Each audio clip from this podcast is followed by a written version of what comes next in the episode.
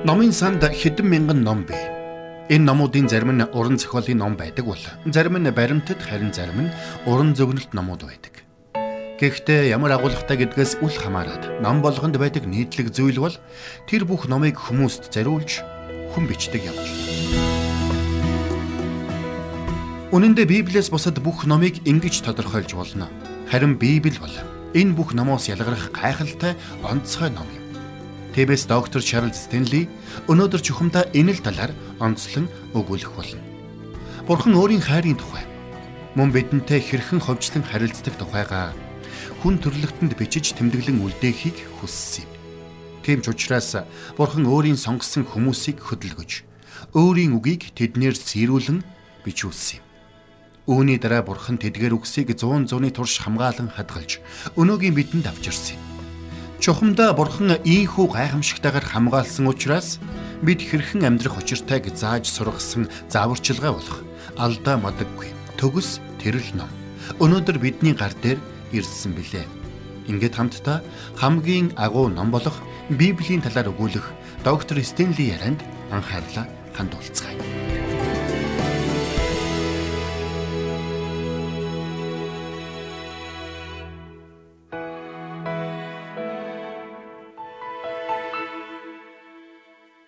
Өдөр бүр дэлхийд даяар сая сая хүн Библийг уншиж Бурхны үгийг бясалхан тунгаан боцсоор байна. Мөн өдөр бүр дэлхий дээрх сая сая хүн энэ номоос юу сурсан тухайга мөн энэ номыг унссны үр дүнд амьдралд нь юу тохиолдсон тухайга бусадтай хуваалцсаар байна. Нэм гараг бүр дэлхийн өнцөг булан бүрдэх сая сая хүн гайхалтай сүрлэг сүмийн барилга дотор зогсоод эсвэл эсхий гэрийн хойморт суугаад эсвэл сүрлэн дээвэр доорх эндрийн ар зогсоод энэ үгийн үннийг тунгаглахаар Библийг нээж байна. Үнэн дээр номтой адилхан ном дэлхийн түүхэнд байгаагүй. Энэ номтой адилхан ном цаашид дахин хизээч бий болохгүй. Учир нь энэ ном бол Бурхны амьд үг юм. Энэ бол бүх номуудын хамгийн дээд ном юм. Үүнтэй энэ тэнцэх ном нэгч байхгүй. Учир нь энэ бол бидэнд өгөгдсөн Бурхны өөрийнх нь илчлэлт юм. Тийм ч учраас бид үүнийг Библи буюу Бурхны үг гэж нэрлэдэг юм. Энэ цагт хамтдаа иш үзүүлэгч Исаигийн номыг гаргаад харцгаая. Исая бол хуучин гэрээний иш үзүүлэгчдийн нэг байсан. За ингээ бүгдээрээ Исая номын сүүлийн бүлгийг буюу Исая 66 дугаар бүлгийн 1-ээс 2-ыг гаргаад харъя. Эхлээд би энэ хэсгийн талаар довчхон тайлбарлая. Исая иш үзүүлгийнхээ төгсгөлд Израилийн ард түмний талаар иш үзүүлж тэдэнд хандан ярьсан байдгийм. Ингэхдээ Исая та нарын өргөл тахил Бурхны сэтгэлийг хөдлөгдөггүй. Яагад гэвэл та нарт Бурханд хайртай учраас тахил өргөх биш. Харин өөрсдийгөө хуурсан сэтгэлээр амьтны амийг тасалж байна. Та нарын зүрх сэтгэл хийж байгаа зүйлээсээ алс хол байна. Энэ бүх өргөл тахлаараа та нар Бурхны анхаарлыг татаж чадахгүй хэмээн хатуу сануулсан байдаг юм. Харин энэ бүхнийхээ араас иш үзүүлэгч Исая Бурхан юуг анхаардаг юм бэ гэдгийг тэдэнд хэлж өгсөн юм. Ингээд хамтдаа Исая номын 66 дугаар бүлгийн 1-с 2 дугаар ишлэгийг харъя. Эзэн үүнийг айлдаж байна. Тэнгэр болвоос миний сэнти. Газар болвоос миний хөлийн гიშгүүрлээ. Надад зориулж та нар ямар сууц барих юм бэ? Миний амрах газар гэж юу байх вэ? Энэ бүх юмсыг миний мотор бүтээсэн бөгөөд энэ бүхэн байдаг болжээ гэж эзэн тунхаглав. А харин одоо дараагийн хэсгийг анхааралтай сонсоорой. Энэ хэсгийг би өнөөдөр онцлон ярих болно. Бурхан энд ингэж хэлсэн байна. Харин даруу гимсэн сэтгэлтэй үгэнд минь чичирдэг нэгнийг л би анхаард юма гэсэн байна. Хэрвээ бид Бурханы өмнө гимсэн зүрх сэтгэлтэй байвал Түүний өмнө даруу байж үгийнх нь өмнө чичирдэг байх юм бол Бурхан биднийг анхаарна гэж Исая энд өгүүлсэн байна. Тэгвэл энэ нь яг ямар утгатай юм бэ? Түүний үгийг эмээн хүндэтгэж үгийнх нь өмнө чичрэн зогсох гэдэг нь түүний үгийг дуулууртаа дагах хүсэлтэй байх гэсэн үг болохыг иш үзүүлэгч Исая эдгээр үгсээрээ илэрхийлэн хэлсэн байна. Тийм ч учраас бид Библийг бидний амьдралын ганц гарын авлага ном заавал дагаж мөрдвөл зохих зааварчилгаа, тушаал, зарчим, хууль дүрм, урам зориг, дэмжлэг, тусламжийн ном гэж үздэг юм. Тэгвэл иш үзүүлэгч Ясаянд өөрт нь бурхан хэрэгтэй гэдгийг мэддэг. Гимсэн даруй сэтгэлтэй хүнийг буюу бурханы амьд үгийн өмнө эмээн хүндтгэн жижирдэг хүнийг бурхан анхаарах болно хэмээн сануулсан байна. Тиймээс өнөөдөр би энэ талаар та бүхэнтэй ярилцахыг хүссэн юм. Ингэхдээ та бид бурханы амьд үгэнд хүндэтгэлтэй ханддаг. Эмээн чичирдэг байх хэд хэдэн шалтгааныг би энд хэлхийг хүссэн юм. За ингээд эхний шалтгаан нь бид Библийн онцгой мөн чанарын улмаас Библиэд хүндэтгэлтэй хандах учиртай юм. Учир нь Библи бол Бурхны ном. Энэ бол бүтээгч Бурхны илчлэл. Библиэр дамжуулаад Бурхан өөрийгөө бидэнд илчилсэн. Угтаа бол Бурхан зөвхөн Библиэр бидэнд өөрийгөө илчилсэн юм бишээ. Бурхан өөрийн бүтээсэн бүтээл болон хүн төрлөختний түүхэн дэх оролцоогоор дамжуулан өөрийгөө бидэнд илчилсэн. Хамгийн гайхалтай нь Бурхан хүн төрлөختөнд өөрийгөө илчлэхийн тулд өөрийгөө таслан өөрийн хүү Есүс Христийг бодгалаар дамжуулан хүмүүн болгож энэ дэлхий дээр ирүүлсэн явдал юм. Йохан номонд Илч Йохан Есүсийг үг гэж нэрлсэн байдаг. Эхэнд үг байсан бөгөөд үг нь Бурхантай хамт байсан. Үг нь Бурхан байсан хэмээн тэр тунхагласан байдаг юм. Үнэхээр Есүс Христ бол төгс хүчит Бурханы амьд илэрхийлэл байсан. Харин Библи бол бидэнд өгөгдсөн Бурханы өөр нэгэн онцгой илчлэл юм. Илчлэл гэдэг нь аливаа зүйлийг илчилж харуулах гэсэн утгыг илэрхийлдэг. Ичлэл гэдэг нь нөгөө төгөр Бурхны бидэнд өгсөн үнэн гэсэн утгатай бөгөөд Бурхан бидэнд өөрийгөө илчлэхгүй бол бид түүний илчлэлийг хүлээж авч чадахгүй байх байсан. Бид Библийг харахтаа өөрсдөөсөө энэ яг ямар учиртай ном бэ гэж асуудаг. Үнэн дээр энэ ном бол Бурхны талаарх бидний мэдлэгийн их сурвалж ном юм. Энэ утгаараа Библи бол их сурвалжийн ном. Энэ бол Бурхны үнний талаарх сурах хүчиг. Энэ бол биднийг авралт болон мөнхийн амьдралд хүргэх зам заагч ном. Библиэд адил ном урд өмнө огт байгаагүй хожим хойнч хизээж гарч ирэхгүй. Учир нь энэ бол амьд бурхны амьд үг. Энэ номонд өхмөл зүйл нэгч байхгүй. Цаашлбал энэ ном үйлддэг ном. Өөрөөр хэлбэл энэ номыг уншиж байгаа ямар ч хүний зүрх сэтгэлд энэ ном гайхамшигтайгаар ажилддаг юм. Тэрч байтугай энэ номонд шүмжлэлтэй хандаж, буруу гэдгийг нь батлах гэж эсэргүүцэн тэмцэх гэж уншиж судалсан олон хүн Христэд итгэж, амьдрал нь өөрчлөгдөж, тэр бүхэл энэ номонд өгүүлж буй Есүс Христийн сайн мэдээг зарлан тунхаглагч болсон түүхэд олон бий. Тиймээс бид яагаад энэ номын өмнө жижигрэх ёстой юм бэ? Гисэн асуултын хариулт бол маш энгийн юм. Яагаад гэвэл энэ ном бол мөнхийн бурхны оюун санаа, зүрх сэтгэлийн илэрхийллийг бишид тэмдэглэсэн бичвэр буюу онцгой илчлэл юм. Энэ бол мөнхийн бурхан орчлын ертөнцийг бүтээсэн төдийгүй Есүс Христийн бодгал дотор хүн болж ирсэн тухай илчилсэн гайхамшигтай илчлэл юм. За ингээд цааш нь үргэлжлүүлээд бид Энэ үгийг эмээн хүндэтгэж энэ үгийн өмнө чичрэх учиртай хоёр дахь шалтгааныг хэлж өгье. Энэ бол Библийн бичигдсэн онцгой бүтэц юм. Та хэсэг хормын дуршид энэ талаар бодоод үзээрэй. Библиэд 66 ном байдаг. Тиймээс бид нэг талаасаа 66 өөр номын тухай ярьж байна гэсэн үг. Хуучин гэрэндэх 39 ном, шинэ гэрэндэх 27 ном. Тэгэхээр бид Библи гэж ярихдаа 1500 жилийн турш 40 гаруй өөр хүнээр бичигдсэн 66 өөр номын тухай ярьж байна гэсэн үг юм. Энэ талаар хамтдаа бодоод үзье л да. Энэ номыг бичсэн хүмүүс бүгд өөр хоорондоо ялгаатай зан чанартай. Өөрөөр цаг үе нөхцөл байдалд амьдарч байсан хүмүүс байсан.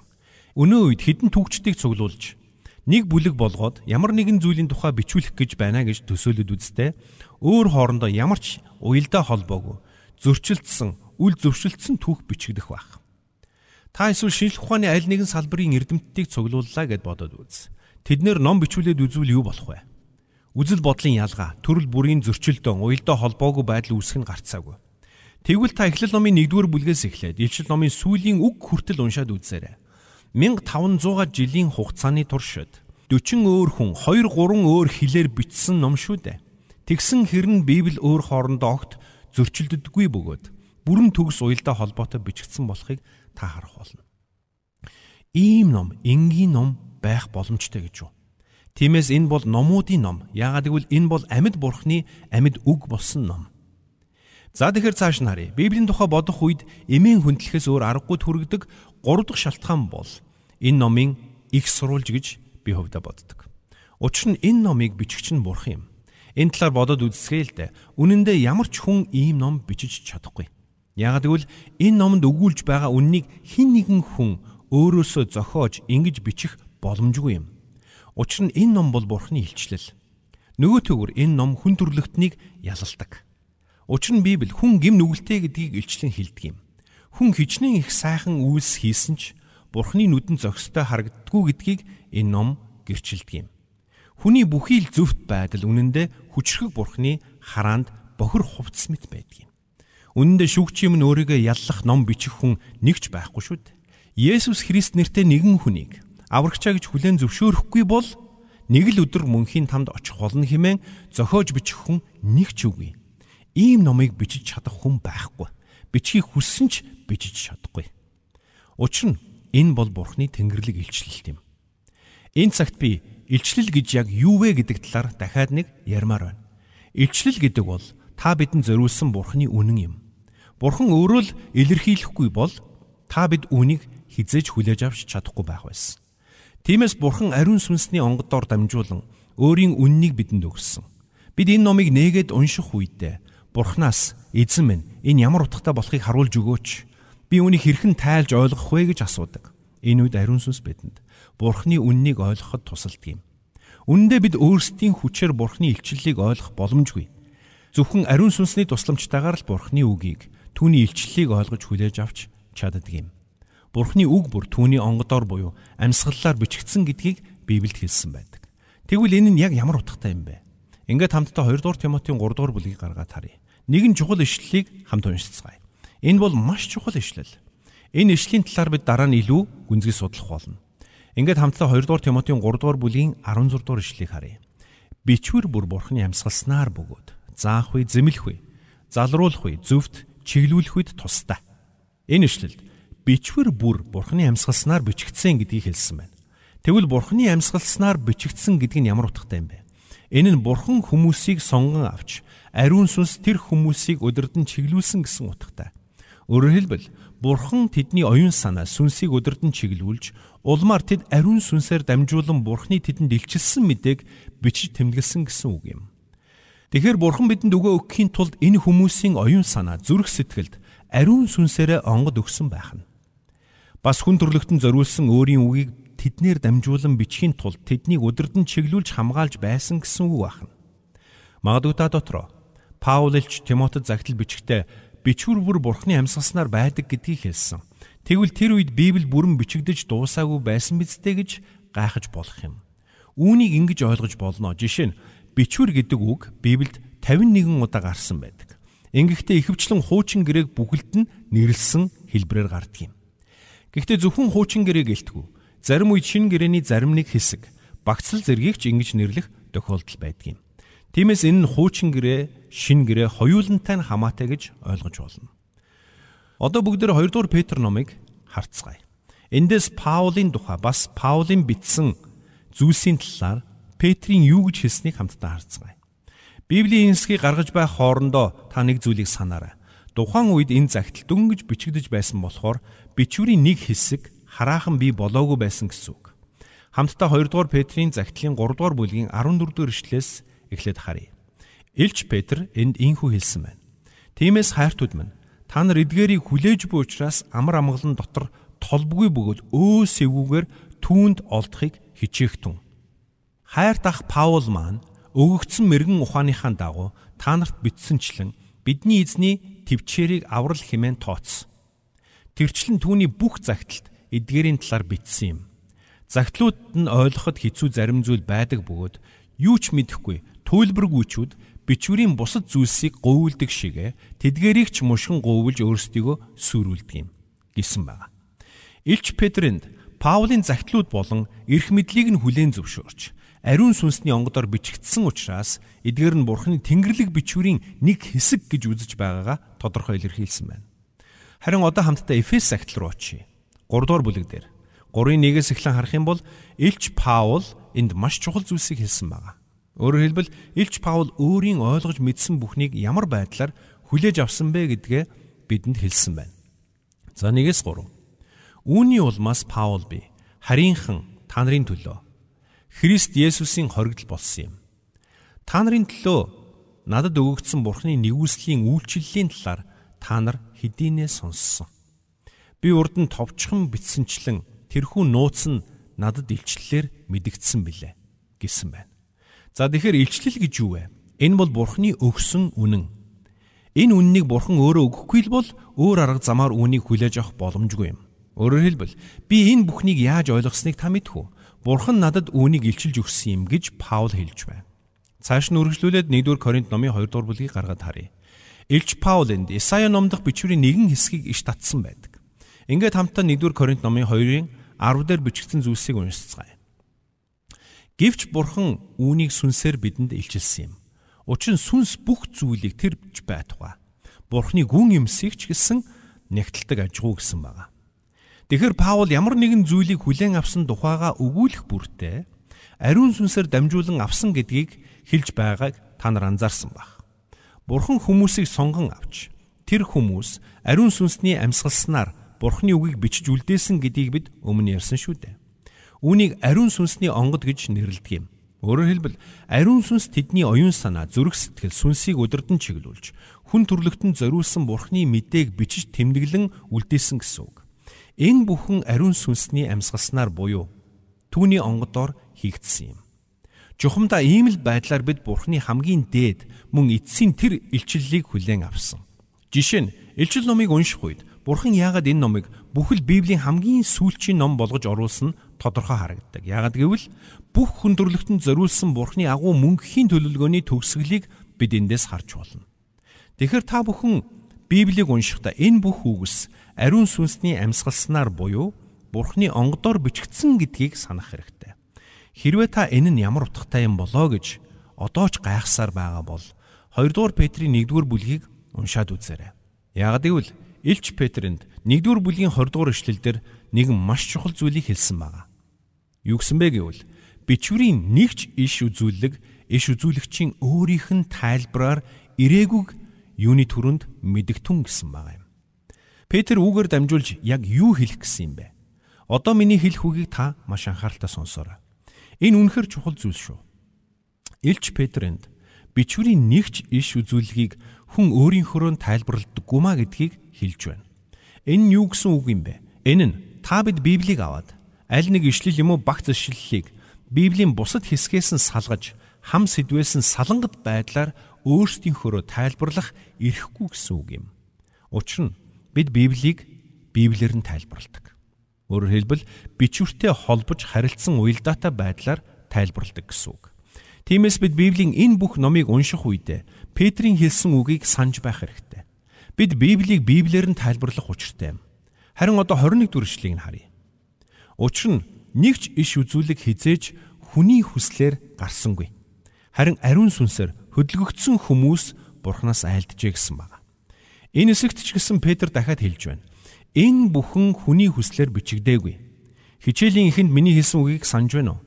Хүн энэ бүгдийг зохиож бичих боломжгүй бичиж чадах байсан ч бичихгүй байх байсан. Яагад гэвэл хүн өөрийгөө буруутгасан ном бичиж чадна гэж юу? Тэгэхээр Илч Петр энд яг ямар утгыг илэрхийлж байна вэ? Петр энд бичвэрийн бодит байдлыг буюу энэ бүхэн Бурхны үг гэдгийг, Бурхан энэ бүхнийг зохиогч нь гэдгийг хэлж байна. Дэмж учраас Исаи номын 66-гийн 2 дээр харин даруу гимсэн сэтгэлтэй үгэнд минь чичирдэг нэгнийг л би анхааран хардгиймаа гэсэн хэсгийг бид онцгойлон ярихыг хүссэн. Үндэ Бурхны үгийг эмээн хүндэтгэн гэдэг нь энэ ном ямар юм бэ гэдгийг ойлгоно гэсэн үг юм. Энэ ном хэрхэн бүтсэн гэдгийг бид энэ бүгдийг хэрхэн хүлээж авсан болохыг өөрөөр хэлбэл амьд Бурхны амьсгалаар бичигдсэн гэдгийг ойлгоно гэсэн үг юм. Тэгвэл хамтдаа нэг зүйлийн талаар бодож үзцгээе. Бичвэрийн талаарх Есүсийн үзэл баримтлал маш зөв зүйтэй байсан гэдгийг бид ойлгох хэрэгтэй. Тэр юуны түрүүнд тухайн үед бичигдсэн байсан хуучин гэрээнээс иш татаж үүнийгэ баримталж байсан. Есүсийн уулан дээрх сургаалаас та нарыг нэг зүйлийг анзаарч хараасаа гэж би хүсэж байна. Хамтаа Матай номын 5 дугаар бүлэг рүү очицгоё. Энэ хэсэгт Есүсийн хэлсэн нэгэн чухал зүйлийг анзаарч хараасаа гэж хүсэж байгаа юм. Есүс тухайн цаг үеийн хүмүүст хандан хуулийн тухай сургаж байхдаа өөрийгөө энэ хуулийг хүчингү болгохоор ирээгүй гэдгийг хэлсэн. Өөрөөр хэлбэл Мөсегийн юм уу бусад иш үзүүлэгчдийн бичсэн бичвэрийн аль нэг хэсгийг устгах гэж би ирээгүй гэдгээ Есүс хэлж байна. За ингээд Матай номын 5 дугаар бүлгийн 17 дээр юу гэж хэлснийг нь харъя. Хуулийг эсвэл иш үзүүлэгчдийг хэрэгсэхгүй болгохоор намайг ирсэн гэж бүү бод. Хэрэгсэхгүй болохын тулд бус харин гүйцэлдүүлэхийн тулд би ирсэн юм а гэсэн байна. Есүс энд зөвхөн хууль болон иш үзүүлэгчдийн тухай яриаггүй харин хуучин гэрээг бүхэлд нь хэлж байгаа мэдээч юм. Тэрээр хуучин гэрээний тухай хэлэхдээ би хуулийг эсвэл иш үзүүлэгчдийг хэрэгсэхгүй болгохоор ирээгүй гэсэн. Цааш нь 18 дугаар ишлэлийг үзэх юм бол инхүү өгүүлсэн байна. Үннээр би танарт хэлье. Тэнгэр газар өнгөрөн одож бүгд биелэгдтэл хуулиас ганц ч үсэг ганц ч зураас алга болохгүй. Өөрөөр хэлбэл Есүс энд хуучин гэрээний эрх мэдлийн талаарх итгэл үнэмшлээ баттай илэрхийлж, хуучин гэрээ бол Бурхны амьсгалснаар бичигдсэн Бурхны үг гэдгийг тунхаглаж байна. Мөн Бурхны үг нэг бүр билэгдэх болно гэдэгт итгэдгээ Есүс батлан илэрхийлсэн байна. Цаашлбал Матай 4-р бүлэг дээр Есүсийг цүлд хоригдож байсан тухай өгүүлсэн байдгийг та нар санаж байгаа бах. Хамтдаа тэр хэсгийг дахин харцгаая. Матай 4-р бүлэг нь Есүсийн уулан дээрх сургаалаас нэг бүлгийн өмнө байдаг. Есүс соригдож байх үедээ Матай 4-р бүлгийн 3-аас 4-р эшлэлд ингэж хэлсэн байдаг. Соригч ирээд түнд чи бурхны хүү мөн аваас энэ чулуунуудыг талах бол гэж тушаа гэв.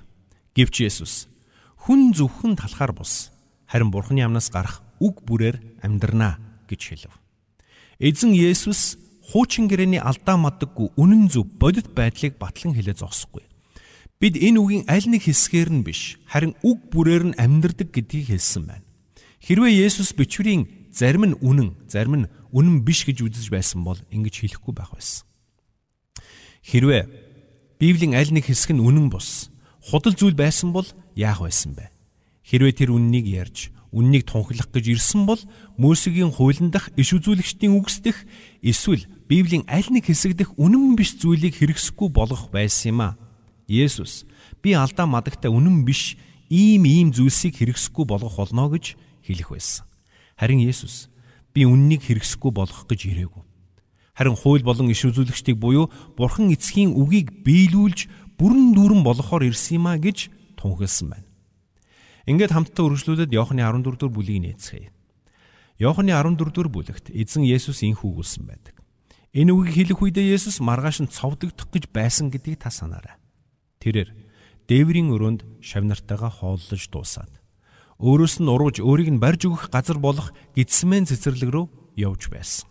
Тэр үед шавнар нь айд сандарч эргэлзэж байсан гарцаагүй. Яг гэвэл Есүс үхэх тухайга бас цовлогдох болно гэдгээ тэдэнд ярьж байсан юм. Шавнар нь энэ бүгдийг төсөөлж чадахгүй байсан. Есүс тэдэнд өөрийгөө Бурхан эцгийн хүү гэдгээ хэлж хэрвээ чи хүүг мэддэг бол эцгийг мэддэг. Эцэгт бүх хүч чадал эрх мэдэл байдаг гэдгийг мэддэг гэсэн үг юм а хэмээн тэдэнд айлцсан юм. Гэвч шавнар нь тэр бүхнийг хэрхэн хүлээж авахаа мэдэхгүй байсан. Харин тэр үед Есүс шавнартай хандаж нэгэн гайхалтай амлалтыг өгсөн байдгийм. Хамтдаа Иохны 14 дугаар бүлийн 25-аас 26 гаргаад харъя. Би та нартай хамт байхдаа үүнийг хэллээ. Одоо сонсоорой. 26 дээр. Харин туслагч буюу миний нэрээр эцгийн минь илгээх ариун сүнс та нарт бүгдийг заах бөгөөд та нарт хэлсэн бүгдийг минь сануулах болно гэсэн. Одоо анхааралтай сонсоорой. Есүс Христ энд хэлсэн иш үзүүлэлгээ биелүүлсэн үү? Ариун сүнс та нарт бүгдийг зааж, та нарт хэлсэн бүгдийг минь сануулах болно гэж Есүс айлтсан байна. Есүс энд худлаа хэлсэн гэж юу? Хэрвээ тэр худлаа хэлсэн бол бид нар бүгдээрээ маш ноцтой асуудалд орох болно гэсэн үг. Гэвч эзэн Есүс энд худлаа хэлээгүй. Есүс цовлогдно гэдгээ мэдэж байгаагаа хэлсэн. Тэр бас үхлээс амилна гэдгээ мэдэж байсан. Пентекост өдөр болж олон зүйл өөрчлөгдөн гэдгийг ч мэдэж байсан. Есүс энэ бүгдийг мэдээ зогсохгүй мэдэж байгаа зүйлээ шав нартаа хэлж байсан юм. Эцэг миний нэрээр туслагч буюу ариун сүнсийг илгээнэ. Ариун сүнс та нарт бүгдийг зааж, миний хэлсэн бүгдийг сануулах болно гэж тэр айлтсан. Есүс үүнийг ямар утгаар хэлсэн юм бэ? Та нар яг одоо зарим нэг зүйлийг ойлгохгүй. Гэхдээ үнний сүнс ирэхэд тэр та нарт туслаж, тэгээд та нар ойлгох болно хэмээн Есүс хэлсэн. Үүгээрч зогсохгүй. Миний та нарт хэлж байсан зүйлсийг сануулах болно гэж айлтсан юм. Хожим нь Йохан Патам арал дээр цөллөгдөж байхдаа илчлэлийг хүлээн авч илчлэл номоо бичсэн байдаг. Энэ нь Библийн хамгийн сүүлийн ном болж бичигдэж ирээдүйд болох зүйлсийн талаар зарим ойлголтыг бидэнд өгсөн юм. Илч Йохан энэ бүгдийг яаж хүлээж авсан бэ? Тэр яаж хүлээж авсныг би танд хэлж өгье. Бурхны сүнс түүнд зааж, түүнийг өдөрдөн чиглүүлсэн. Илч Йохан бас Йоханны сайн мэдээг бичсэн гэдгийг та нар санаж байгаа. Ариун сүнс Йоханд Эзэн Есүсийн заасан бүгдийг сануулсан учраас тэр бас сайн мэдээний номоо бичсэн юм. Тэгвэл Маркд хэн сануулсан бэ? Бас Матад хэн сануулсан юм бэ? Лукд энэ бүгдийг хэн сануулсан юм бэ? Мэдээж Бурхны ариун сүнс. Миний заасан бүгдийг ариун сүнс та нарт сануулах болно гэж эзэн Есүс хэлсэн юм шүү дээ. Есүс энэ дэлхий дээр амьдарч байх үедээ намайг явахад ариун сүнс ирэх болно гэж айлцсан. Үнэхээр Пентекост баярын үеэр ариун сүнс ирсэн. Ариун сүнс ирээд юу хийсэн бэ? Ариун сүнс ирж бүгдд нь Есүс Христ дотор баптизм хүртээж бидний хүн нэг бүрийг эзэн Есүс Христийн нэг хэсэг Христийн биеийн эргэтэн болгосон. Бид бол энэ дэлхий дээр Христийн амьд бие юм. Ариун сүнс бидний дотор нутаглаж амьдрахаар бидэнд үннийг тайлбарлахаар ирсэн. Ийм зүйл болно гэдгийг ч эзэн Есүс мэдэж байсан. Тэгвэл Есүсийг явахад ариун сүнс яах гэж ирсэн юм бэ? Тэр бидний дунд амьдрахаар биднийг замчилж, өдөрдөн чиглүүлж, бидний амьдралд зөв чигийг өгөхөөр ирсэн. Үнэндээ Бурхан биднийг дутагдж гачигдах зүйлгүйгээр үлдээсэн юм. Түүнд чадахгүй зүйл гэж үгүй. Есүс та нар миний зарим хэлж байгаа зүйлийг одоо ойлгохгүй боловч хожим ойлгох болно гэж хэлэхдээ юуны тухай ярьж байгаагаа маш сайн мэдэж байсан. Бурхны сүнс бидэнд үүнийг нь илчилж ойлгуулах болно гэдгийг тэр мэдэж байсан юм. Тиймээс л бидэнд төгс хүчит Бурхны гайхамшигтай илчлэл өгөгдсөн юм. Тэгэхээр Бурхан өөрийгөө хинбэ гэдгийг хэлж илчилж байж сая бид түүнийг хинбэ гэдэгт итгэх боломжтой болно гэсэн үг юм. Бас тэр та биднийг үнэхээр их хайрлсан учраас цорын ганц хүүгээ энэ дэлхий рүү илгээж. Тэр бидний гим нүглийг голготын толгод дээр загалмай дээр үүрсэн юм. Бурхан бидэнд үнэхээр хайртай учраас түлж болох хамгийн агуу их үнийг төлсөн юм. Тэгвэл ийм агуу төлөөсийг төлсөн Бурхан энэ бүгдийн тухай бичүүлэхдээ хайхрамжгүй хандах байсан гэж үү? Бурхан үүнд сэтгэл гаргахгүй хүүтэн хөндий хандахыг зөвшөөрөх байсан гэж үү? Хүмүүс энэ үннийг өөрсдийнхөөрөө бичиж тэмдэглэхийг Бурхан зөвшөөрөх байсан гэж үү? Мэдээж үгүй. Гэхдээ Паул шоронд хоригдож байх үедээ заримдаа загтлуудаа хүнээр бичүүлж байсан шүү дээ гэж та хэлж байж болох юм. Хүн л бичиж байгаа юм чинь ямар нэгэн алдаа байх байлгүй дээ гэж хэлэх хүнч гарч магадгүй. Хэрвээ хүн үүнийг бичсэн бол энэ бүхэн хүний дамжуулж байгаа мэдээ байсан бол хүн үүнийг бурхангүйгээр бичсэн бол зөндөө олон алдаатай байх нь гарцаагүй.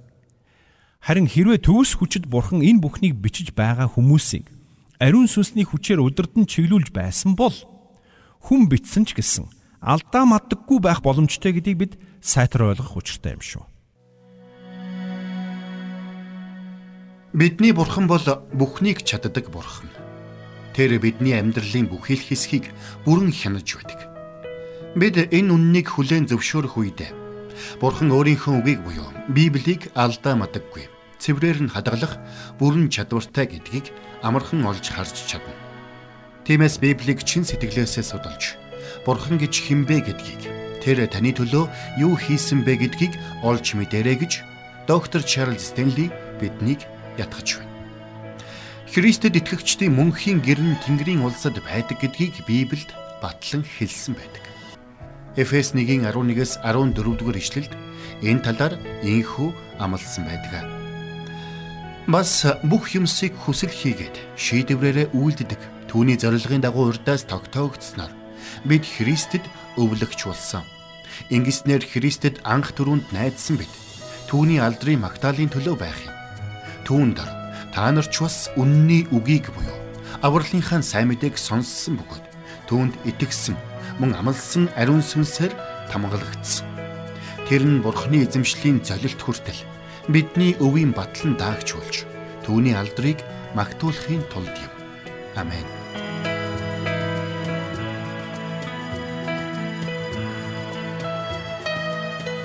Бурханд тэмүүлсэн сэтгэл хүмүүсийг энэрх зөрхөөр амьдрахад туслах номлогч доктор Чарлз Стенлигийн хамттай нэвтрүүлэг сонсогч танд хүрэлээ нэвтрүүлгийг дахин сонсохыг хүсвэл ихтгэл радиоцик.com-оор зочлоорой.